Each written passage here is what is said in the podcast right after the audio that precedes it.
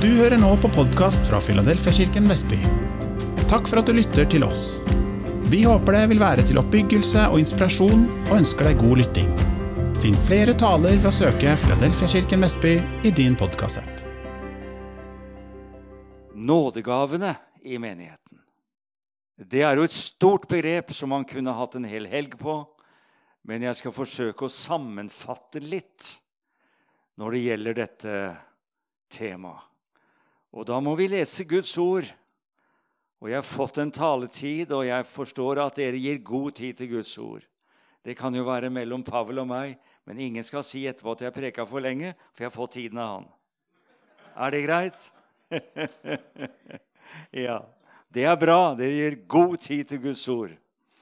Ehm, da leser vi først et vers i 1. Peter 4, vers 10. Ettersom enhver har fått en nådegave, så tjen hverandre med den som gode husholdere over Guds mangfoldige nåde. Og så må vi selvfølgelig til et annet brev. Vi må til et Paulus' brev. Og hvilket brev må vi selvfølgelig til når vi snakker om nådegavene? Korinterne. Første korinterbrev hørte jeg her. Det er riktig. Kapittel 12, vers 4. Det er forskjell på nådegaver, men ånden er den samme. Det er forskjell på kraftige virkninger, men Gud er den samme, Han som virker alt i alle. Hoppa jeg over et vers? Nei. Ja, Det er forskjell på kraftige virkninger, ja, men Gud er den samme, Han som virker alt i alle. Det er forskjell på tjenester, men Herren er den samme. Og det er forskjell på nådegaver, men Ånden er den samme. Nå leste jeg bakover, men det var akkurat som jeg hoppa over et vers. Men nå har vi fått lest de tre versene. Og så går vi til kapittel 14, vers 12.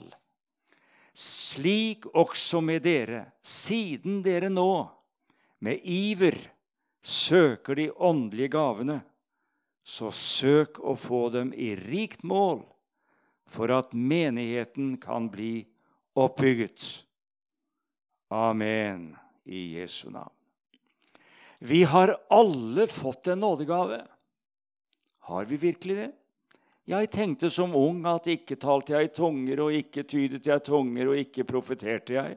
For det var nådegaven i Filadelfia Sarpsborg der hvor jeg vokste opp. Det var de tre nådegavene som jeg kjente til. Og de var virkelig i funksjon. Og særlig var menigheten veldig flink til å tale i tunger. Og så var det en og annen som hadde fått tydningens gave. Og så kom det en profesi innimellom. Det var det jeg tenkte om nådegaver. Og la meg si de er veldig verdifulle nådegaver. Og jeg ønsker å fremelske til bruk av disse gavene, for Gud har gitt dem for at vi trenger dem. Men det er bare en flik av kappa. Nådegaver er så mye mer. Og jeg tenkte når jeg leste vi har alle fått en nådegave, hva har vi da fått? Og La meg også si det sånn da, at nådegave tenker jeg er et litt romsligere begrep enn de åndelige nådegaver. Åndens gaver. Åndens gaver er de ni spirituelle nådegavene som Ånden deler ut til hver især. Hørte du det? Hver især.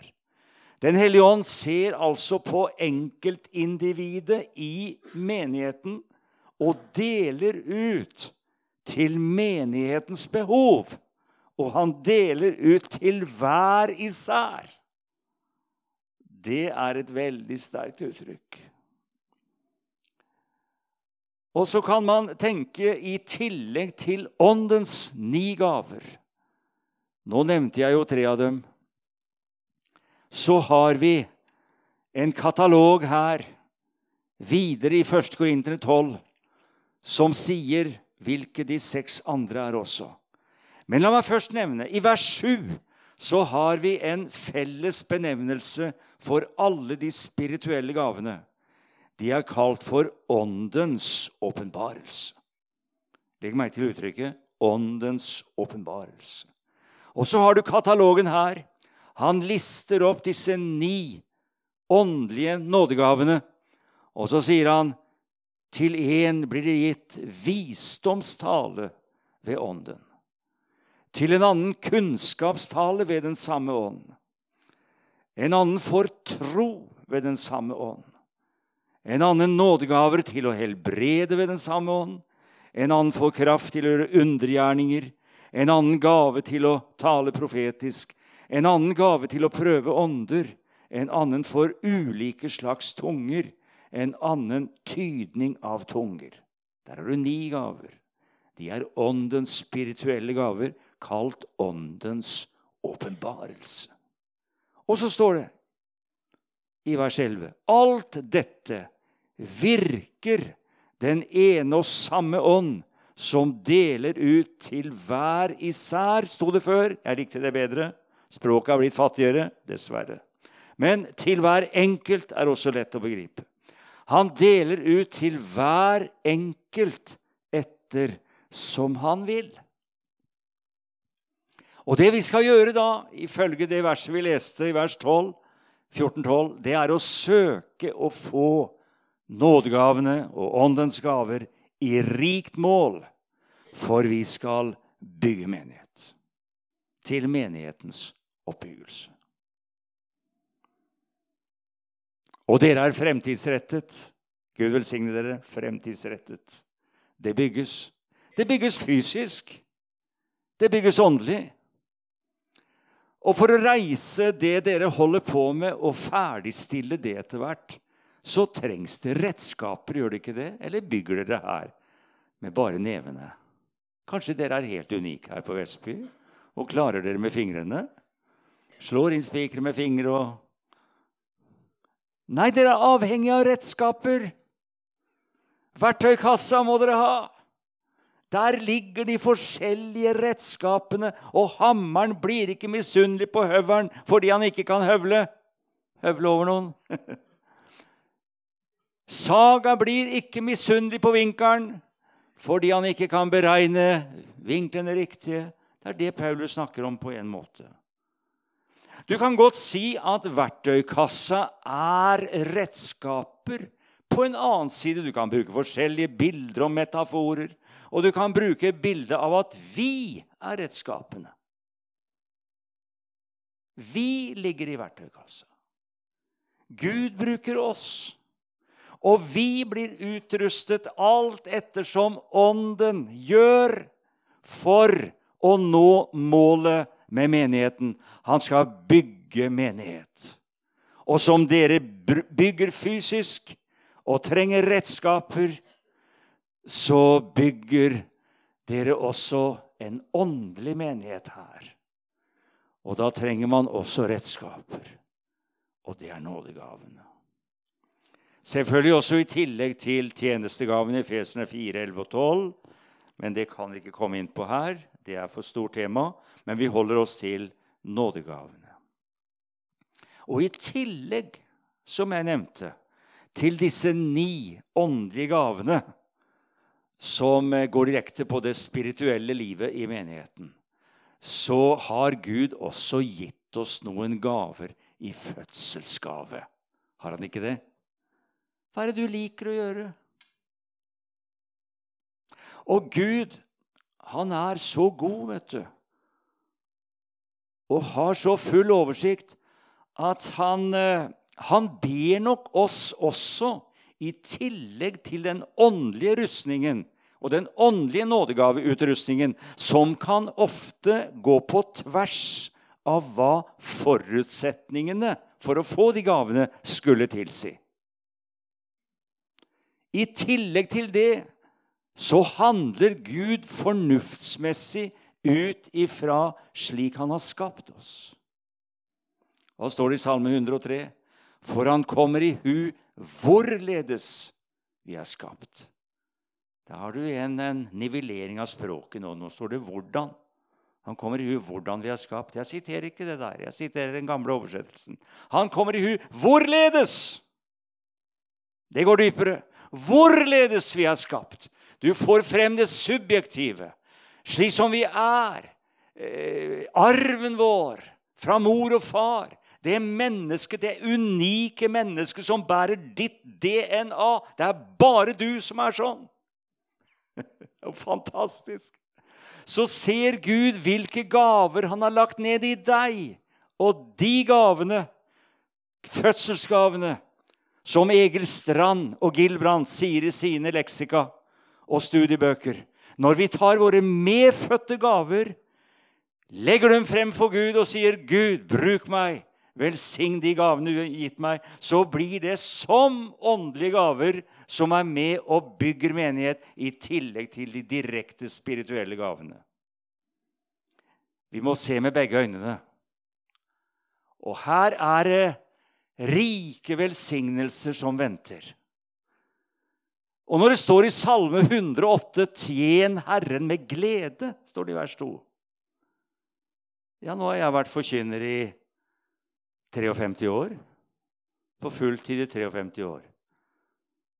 Og jeg må si, når jeg dro hit i dag, så er det med like stor glede som da jeg la ut første gangen i 1969. Tjen Herren med glede. Hvorfor det?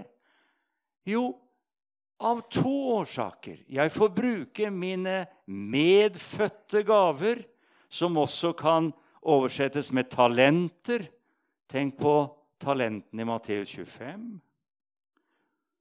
Pundet er også et uttrykk som brukes i Lukas 19. Husker du han som la pundet inni et tørkle? Hadde det Guds velsignelse? Snarere det motsatte. Putt ikke pundet inni et tørkle. Nei, vi skal forvalte det vi har fått. Sa du, Pavel, at du sa noe her som gikk et lys opp for meg, om at pengene dør når vi gir dem fra oss? Det har aldri tenkt på. Dermed er det et såkorn. For uten at såkornet dør, så blir det ikke vekst. Jeg fikk en helt ny preken av deg. Den kommer til å surre videre og blir en 40 minutters preken i løpet av neste uke. Jeg tror det. Det var jo fenomenalt sagt. Og det er jo så sant. Det er jo sånn det er. Og det er jo et livsprinsipp hos Gud, dette med å dø og gjenoppstå. Å bære frukt. Tenk på den ene poteta. Du setter en potet i jorden og du høster 20-25 der det er god jord av den ene. Men han må dø. Halleluja. Halleluja. Det var veldig mektig. Og jeg tenker på disse gavene Gud har gitt. Så har han gitt oss gaver. Hva har du lyst til å gjøre i menigheten? Og jeg kjente som ung jeg hadde, hadde lyst til å være med og vitne. Og det var en helt annen tid på 60-tallet når vi var unge. altså. Jeg tenker på ungdommen i dag. Det er ikke så greit. Og jeg inviterte ungdommer på et møte forleden. Kom og hør!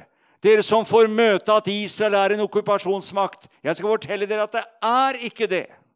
Og jeg satte meg inn i San Remo-avtalen og eh, Balfour-erklæringen og Folkeforbund og alt dette her.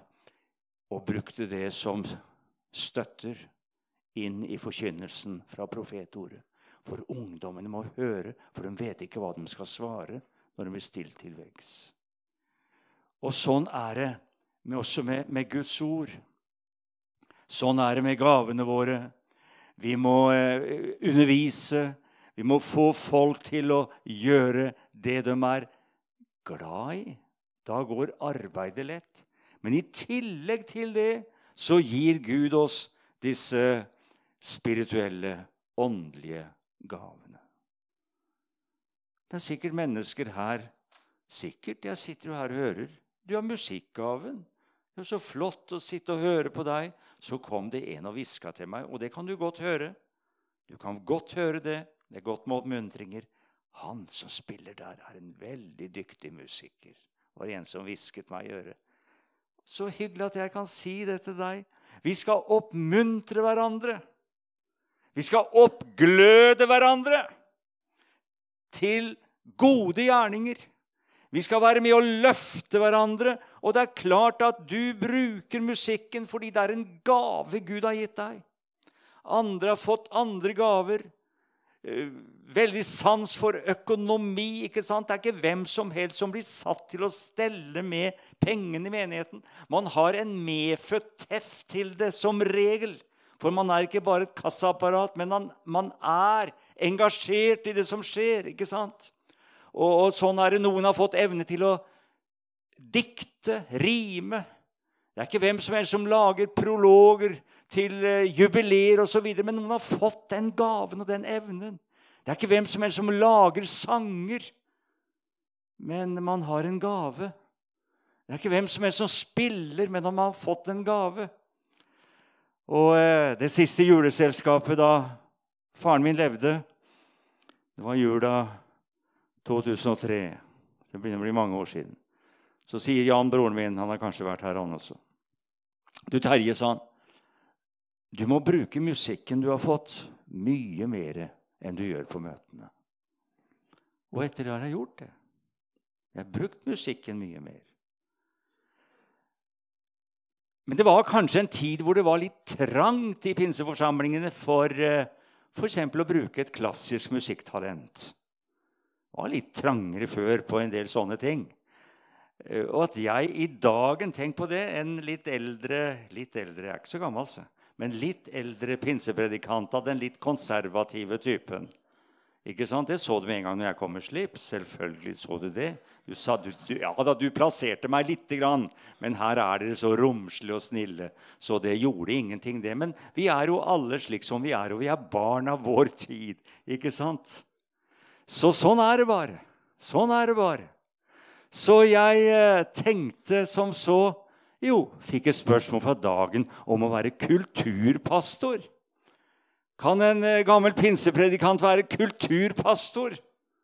Jeg skal til Halden i morgen og holde foredrag om litteraturen i jula.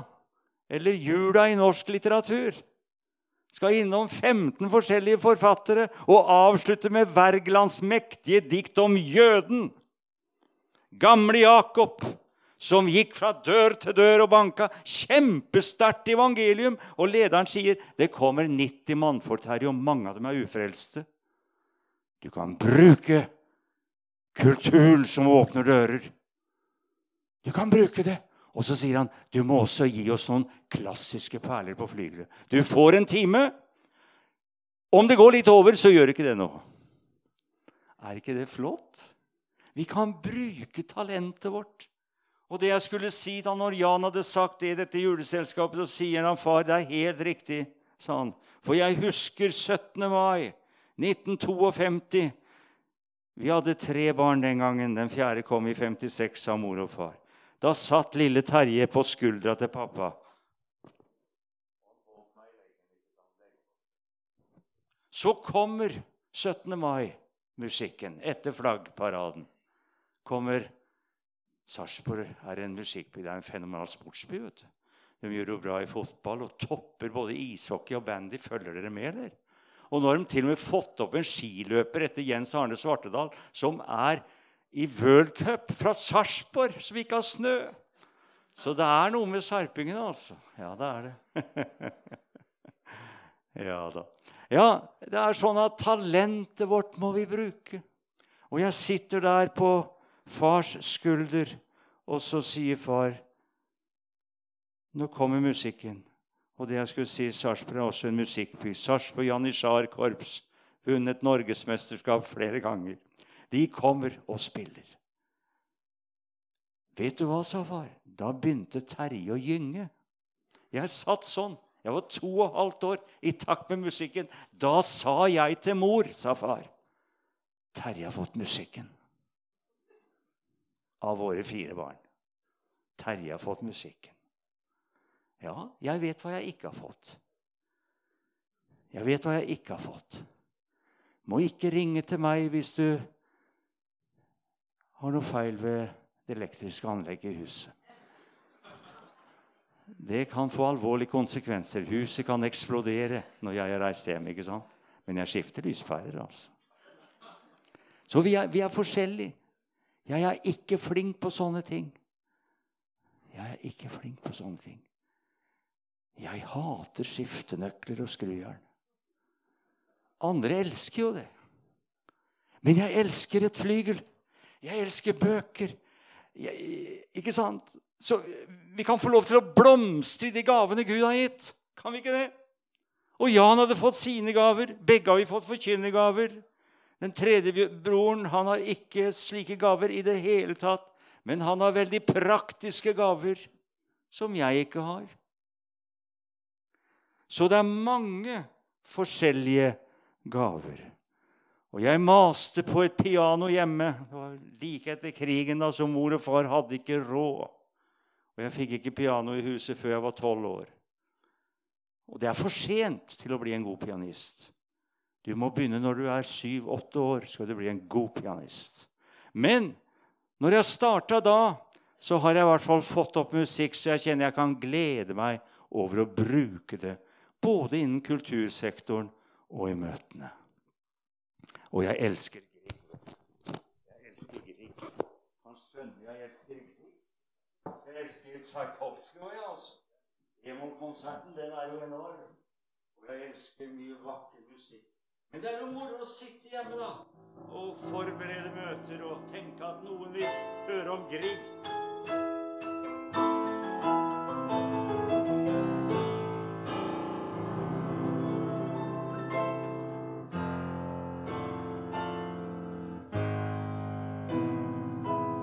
Kjenner den? Det er Grieg Samuel-konsert.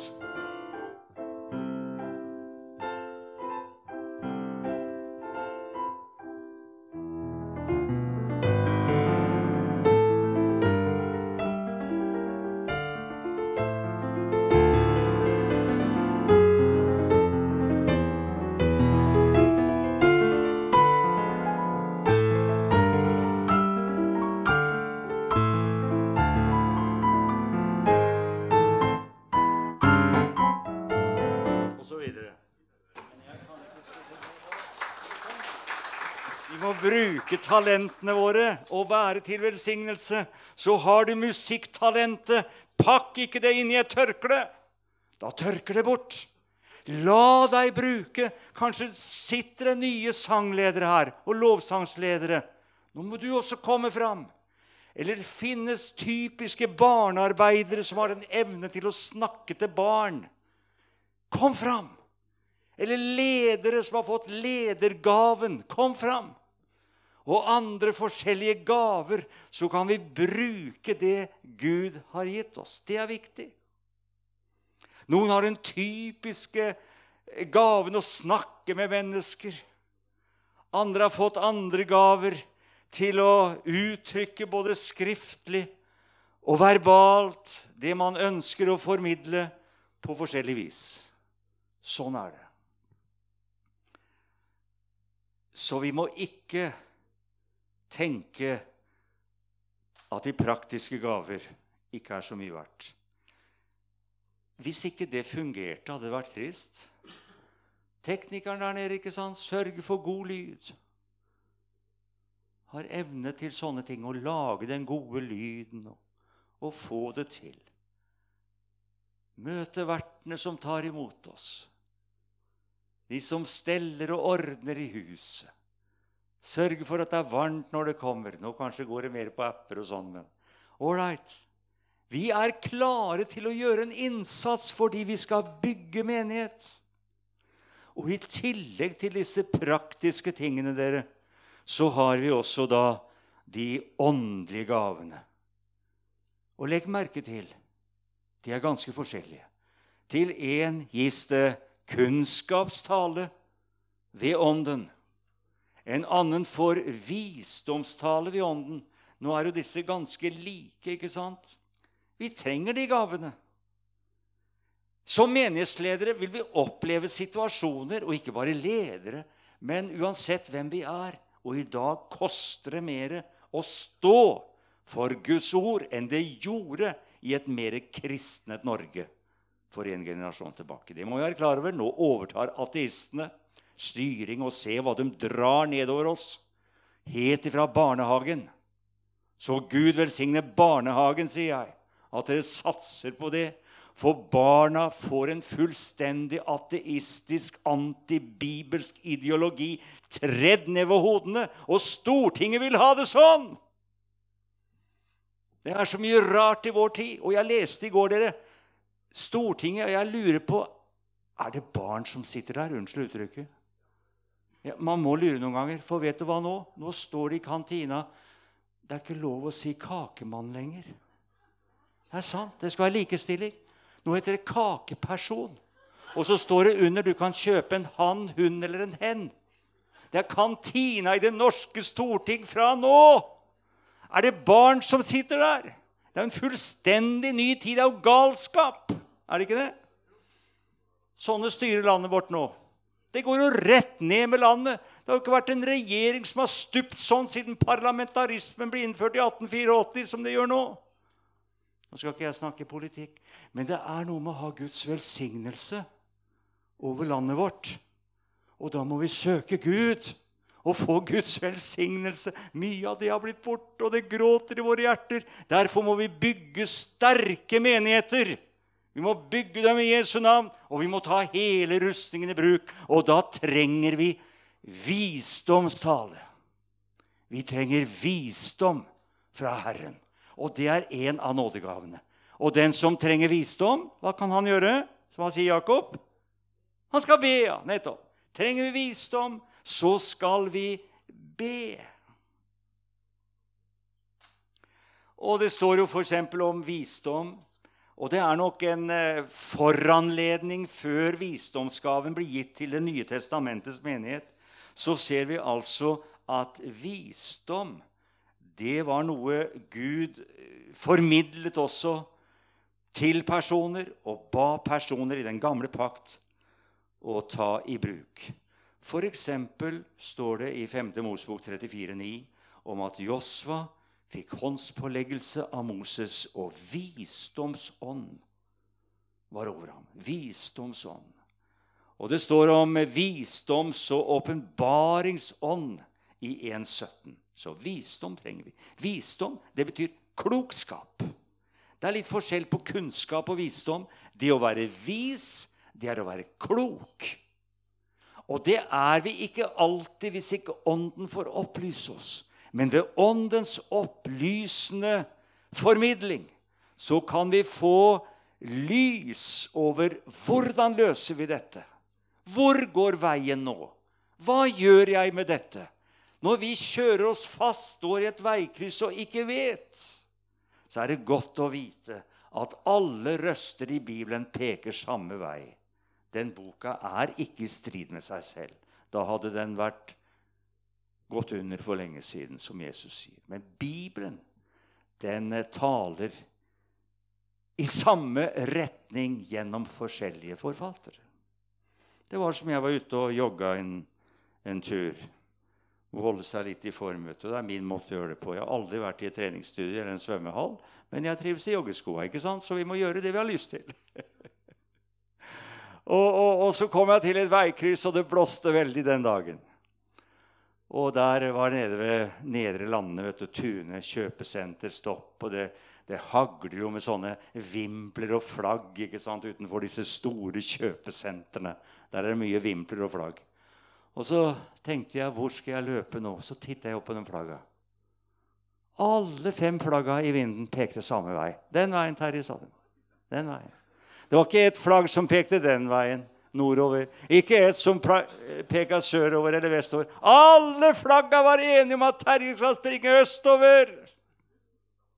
Og sånn er det når vi følger Åndens vind i Det nye testamentet og sier til Gud, Gud, gi oss åpenbaringsånd til kunnskap om deg, så får vi titte litt opp da, og se hvilken retning vår Herre peker eller søke ham i ordet, og du skal finne at ordet holder deg på sporet. Jo, det er sikkert. Visdomstale. Vi trenger visdom. Når vi ikke vet hva vi skal gjøre, trenger vi visdom. Og da skal vi be. Så vil Gud utruste gjennom den nådegaven. Og vi leste om en nådegave som het kunnskapstale, eller kunnskapsord. Det er både kunnskap om Jesus Kristus i en dyp Kristusforkynnelse, tenker jeg, hvor Ånden formidler det viktigste til oss. Og vi kan lese Bibelen og få et lys, få kunnskap i ordet om Guds frelsesplan og hvem Jesus er. Og I tillegg til det så vet vi at kunnskap har noe av det profetiske over seg. Og de ligger ikke langt unna hverandre. De toucher hverandre, profetiske gaver og kunnskapsord. Og man kan få opplysning om mennesker som er i situasjoner som vi kan hjelpe. Du kan få et kunnskapsord om mennesker og til mennesker. Det var litt mer ukjent terreng i den klassiske pinsebevegelse. Det hørte vi aldri om i Filadelfia Sarpsborg, i vår sterkt tungetalende og tydende og profeterende menighet. Men det var et område som var ukjent. Ikke sant? Så vi, vi former også en kultur ut ifra de sporene vi setter, og slik som vi eh, lar oss forme. Og Sånn er det overalt. Det er ikke noe galt ved det. Men eh, vi kan bli litt for trangsynte. Så kommer mer den karismatiske bevegelsen. Og, og lutheranere, oase og dette her, de formidler det på en litt annen måte. ikke sant? Og så skjønte vi at det går faktisk an å oppleve det også. Men det er nok noe mer vi eh, la inn under de profetiske gavene. Men i sak så blir det noe av det samme. Husker du Jesus da han møtte den samaritanske kvinne? Hun ble jo helt forskrekket. Gå og kall på mannen din, Johannes 4. Jeg har ingen mann. Der talte du rett. Du har hatt fem menn, og den du har nå, er heller ikke din. Å, hvem har sladra? Hvem har baktalt meg? ingen. Jesus, gjennom den profetiske gaven Paulus var ikke satt i tjeneste ennå. Hadde Paulus skrevet det, kanskje han hadde sagt at Jesus fikk et kunnskapsord. Kanskje. Men det var i hvert fall profetisk. Og kvinnen sier, 'Jeg skjønner du er en profet.' Du er en profet. Sekstall er syndens tall. Syvtall er Guds tall. Nå møter hun den syvende mannen i sitt liv. Og det ble en herlig forandring. Hun ble evangelist. Og i denne kvinnen, dere, så ligger det en evangelist. Men hun måtte bli frelst først. Philadelphia Vestby om fem år. Barnehagen er ferdig. Dere har hatt for lenge siden en herlig innvielsesfest. Forsamlingen har blitt mye større enn han er nå. Unge familier kommer med sine barn. Og gråhårede menn skal også komme og bli frelst. Philadelphia Vestby om fem år? Jeg vet ikke, men dere har jo tro for vekst. Halleluja. Gud skal utruste, og Gud utruster med gaver. Halleluja. Han gir av det profetiske. Og Derfor så trenger vi også dette sterke profetiske draget over menigheten vår. Halleluja. For jeg er i mange steder dere, hvor gjennomsnittsalderen er ca. 75-80 år. Så takk Gud, jeg ser unge mennesker her i tillegg til sliterne som har stått med i mange år. Vi bygger menighet sammen. Vi vil hente hver vår bjelke, 2. kongebok 6, og bygge og utvide huset som de gjorde den gangen. Og Vi ser her at det er flere gaver. Profetiens gave. Hva er profetiens gave, og hva er profeti? Jo, profeti det er først og fremst tale til oppbyggelse, formaning og trøst. 1. Korinterne 14,3. Det er altså byggende forkynnelse. Og det er ingenting som er så viktig som forkynnelsen. Og den som taler, han skal tale som Guds ord. 1. Peter 4,11. Så hvis forkynnelsen ikke er ut fra Guds ord, man legger til eller trekker ifra, så eh, er det alvorlig. Det skal vi ikke gjøre. Og vi ser altså at når vi taler Guds ord, og som Guds ord, så taler vi til oppbyggelse i menigheten. Profetisk forkynnelse snakker vi om. Det kan være mer enn selve den salvede forkynnelse. Altså profetisk tale er først og fremst salvet forkynnelse til oppbyggelse. Og så er det jo profetiske hilsener, hvor du blir inspirert der og da til å komme med en profetisk ord ifra Herren. Og så har du også det profetiske ord, og man kan omtale det som å tale om framtiden, snakke om Jesu gjenkomst, eskatalogien, som det heter. De siste tider, ikke sant? Det er også noe som er profetisk. Og på den måten kan vi være med og oppbygge hverandre. Når det gjelder tungetale og tydning der, i 1. Korinterne 14, så ser vi at tungetale med tydning løftes helt på linje med profetisk tale i verdi i forsamlingen. Bare tungetalen blir tydet. Hvis den ikke blir tydet, står det, så skal man tale for seg selv og for Gud når man er hjemme. Tungetalen kan være ekte, men Gud har gitt tungetale og tydning både til vårt personlige bønneliv, til egen oppbyggelse, som det står i 1. Korinter 14, og til menighetens oppbyggelse. Men da må det tydes. Og det kan gå begge veier. Det finner vi i 1. Korinterne 14. Jeg bare sier 1. Korinterne 14. Jeg rekker ikke ta alle henvisninger, men les når du kommer hjem. Der står det at tungetalen kan være lovprisning, og tungetalen kan være budskap til oss. Og det ser vi i Jesaja i et av kapitlene der, at Gud taler til oss ved stammende lepper. Og, og, og, vi ser altså at når det ligger på linje med det profetiske, så er det både budskap direkte til mennesker og det er lovprisning til Gud. Halleluja. Så jeg elsker møter hvor man forløser også disse gavene. For Gud har gitt dem for at menigheten skal oppbygges. Så gi rom for disse åndelige gavene også. Det er veldig viktig. Derfor Gud har gitt dem. Og det står faktisk om fem viktige ingredienser i den apostoliske gudstjeneste. Og jeg tror dere ønsker å ha en apostolisk gudstjeneste. Et bibelsk tegnet møte. Det har vi i 1. Korinterne 14, 26. Når dere kommer sammen, da har enhver av dere én en salme. Det har vi hørt. Den har vært her allerede. En en åpenbaring. Uh, ja, her får du det. Det er kjempebra. Her får vi det. En annen, et ord til lærdom. Det er det som jeg kommer med nå. Lærdommen, undervisningen, kom fra meg nå. Én har en åpenbaring, og du husker 12.7. Åndens åpenbaring gis enhver. Hva ligger det i dette? Jo, blant annet én har en tungetale, og en annen har tydningen. Men la alt tjene til å bygge opp. De fem ingrediensene er ikke noe ekstraordinært. Det skal være vanlige innslag i et apostolisk møte. Det er når vi kommer sammen.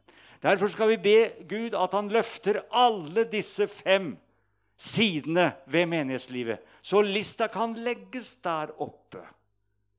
Og tenke Gud, bygg oss opp. La oss leve til oppbyggelse og se hva som tjener til å bygge opp. For han spør jo hva mener jeg? Jo, når dere kommer sammen. Nå er det også sånn at den som taler tunger, kan også tyde selv, sier Paulus i en av versene. Så det er ingenting i veien for det. Men det han ønsker å fokusere på, det er menigheten og bredden. Derfor står det hele tiden 'en annen, en annen, en annen'. Men den samme kan ha flere gaver. Ja, nå ser jeg målstreken. Jeg gjør det. Skulle gjerne hatt en time til. Nå er jeg blitt varm. Men håper det jeg har lagt fram her, var noe av forventningene dine, Pavel, om nådegavene i menigheten. Så summa summarum det praktiske, det genetiske, det medfødte, i tillegg til det direkte spirituelle som Den hellige ånd frembringer i våre liv. Er du nysgjerrig på Jesus og har lyst til å lære mer? Da er du hjertelig velkommen hos oss i et varmt og inkluderende fellesskap. For møteoversikt, aktiviteter og mye mer, se filadelfiavestby.no.